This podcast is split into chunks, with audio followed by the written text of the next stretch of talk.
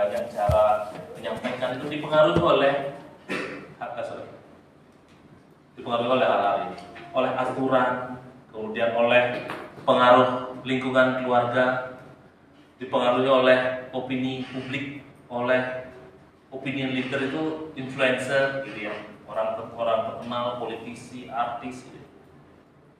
Sampai kadang-kadang, nah kalau misalnya saya implementasikan tadi ya, misalnya, nah misalnya ya, mudah-mudahan Bapak Ibu bisa kenali juga saya bedanya. Misalnya ya, saya di sini, saya sini tambahkan.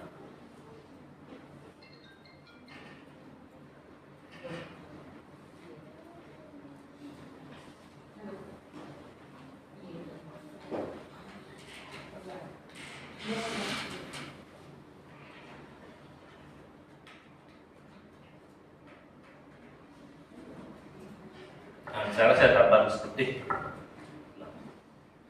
saya saya gambar seperti itu. Ini Bapak Ibu, kalau saya tanyakan ini ini logo apa? Jadi saya logo apa? Sepatu nikel. Ah, Luar biasa Bapak ini kan. Centang gitu aja sudah kita terasosiasi oleh Sepatu. sebuah brand Nike. Ya kan, itu sepatunya ada Nike gitu. ya. Nah, artinya apa? Kita itu kebiasaan kita itu mudah dipengaruhi oleh seperti itu. Sehingga kadang-kadang banyak hal yang tidak sinkron antara apa yang kita sampaikan dan apa yang kita maksud. Tapi kayak tadi itu, kayak bahasanya alay tulisannya begitu, kita bacanya begitu misalnya. Eh, pinjam motor rendahnya, eh pinjam rendahnya.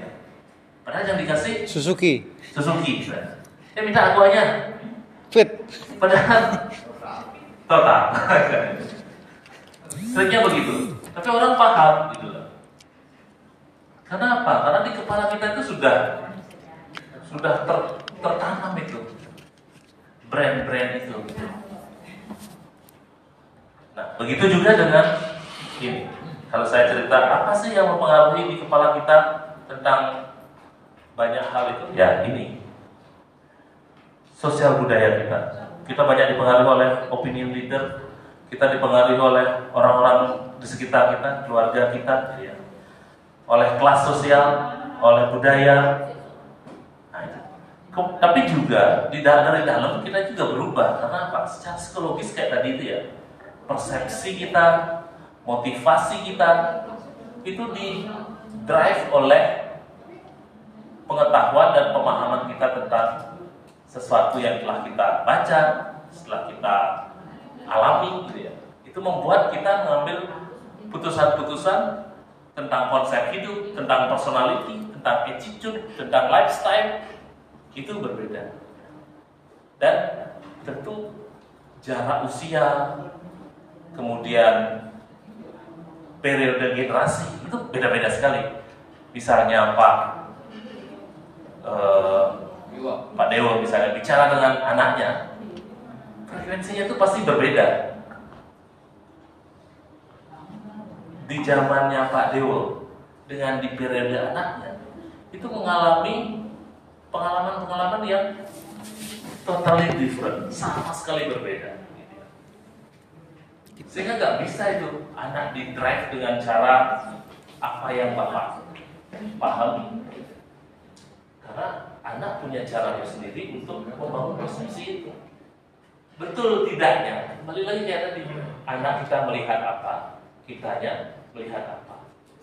Pada saat kita ketemu itu, oh, anak saya melihat itu, saya melihat itu, dengan pengalaman yang berbeda, tapi tujuan yang sama. Nah, di situlah komunikasi itu akan kena. Nah ini yang saya akan bilang, secara psikologi, persepsi itu ya, ini bukan persepsi ya Pak ya, ini persepsi Pak. Siap-siap tuh persepsi. Ini persepsi, motivasi, pembelajaran itu mempengaruhi cara kita mengambil keputusan. Cara kita menentukan bagaimana kita membangun konsep dan personality kita. Nah ini yang saya mau ajak. Berikutnya adalah yuk kita kenali diri kita. Berikutnya pada saat kita tahu, oh ternyata komunikasi dan segala macam itu itu berpengaruh pada bagaimana kita melihat konsep diri kita. Ya, kalau ini yang gambar kucing ya dia lihatnya macan ya kalau misalnya dia lihatnya macan dia memposisikan dirinya sebagai macan dia bisa jadi macan gitu ya.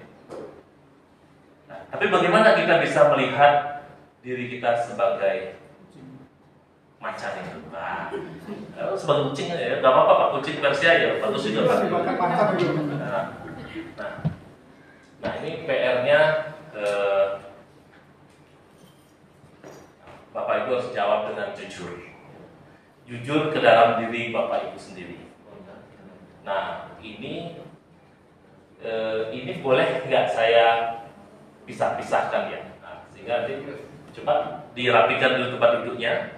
Di sini itu dua kali kita akan main-main. Dua kali kita akan main-main. Eh, dirapikan dulu karena saya akan minta Bapak Ibu pindah-pindah sesuai dengan jawaban dari Bapak Ibu. Ya. Uh, apalagi mejanya begitu Pak, kesempatan berpindah Pak. Lebih goyang. Nah, saya mempertanyakan dua hal, dominan dan tidak dominan.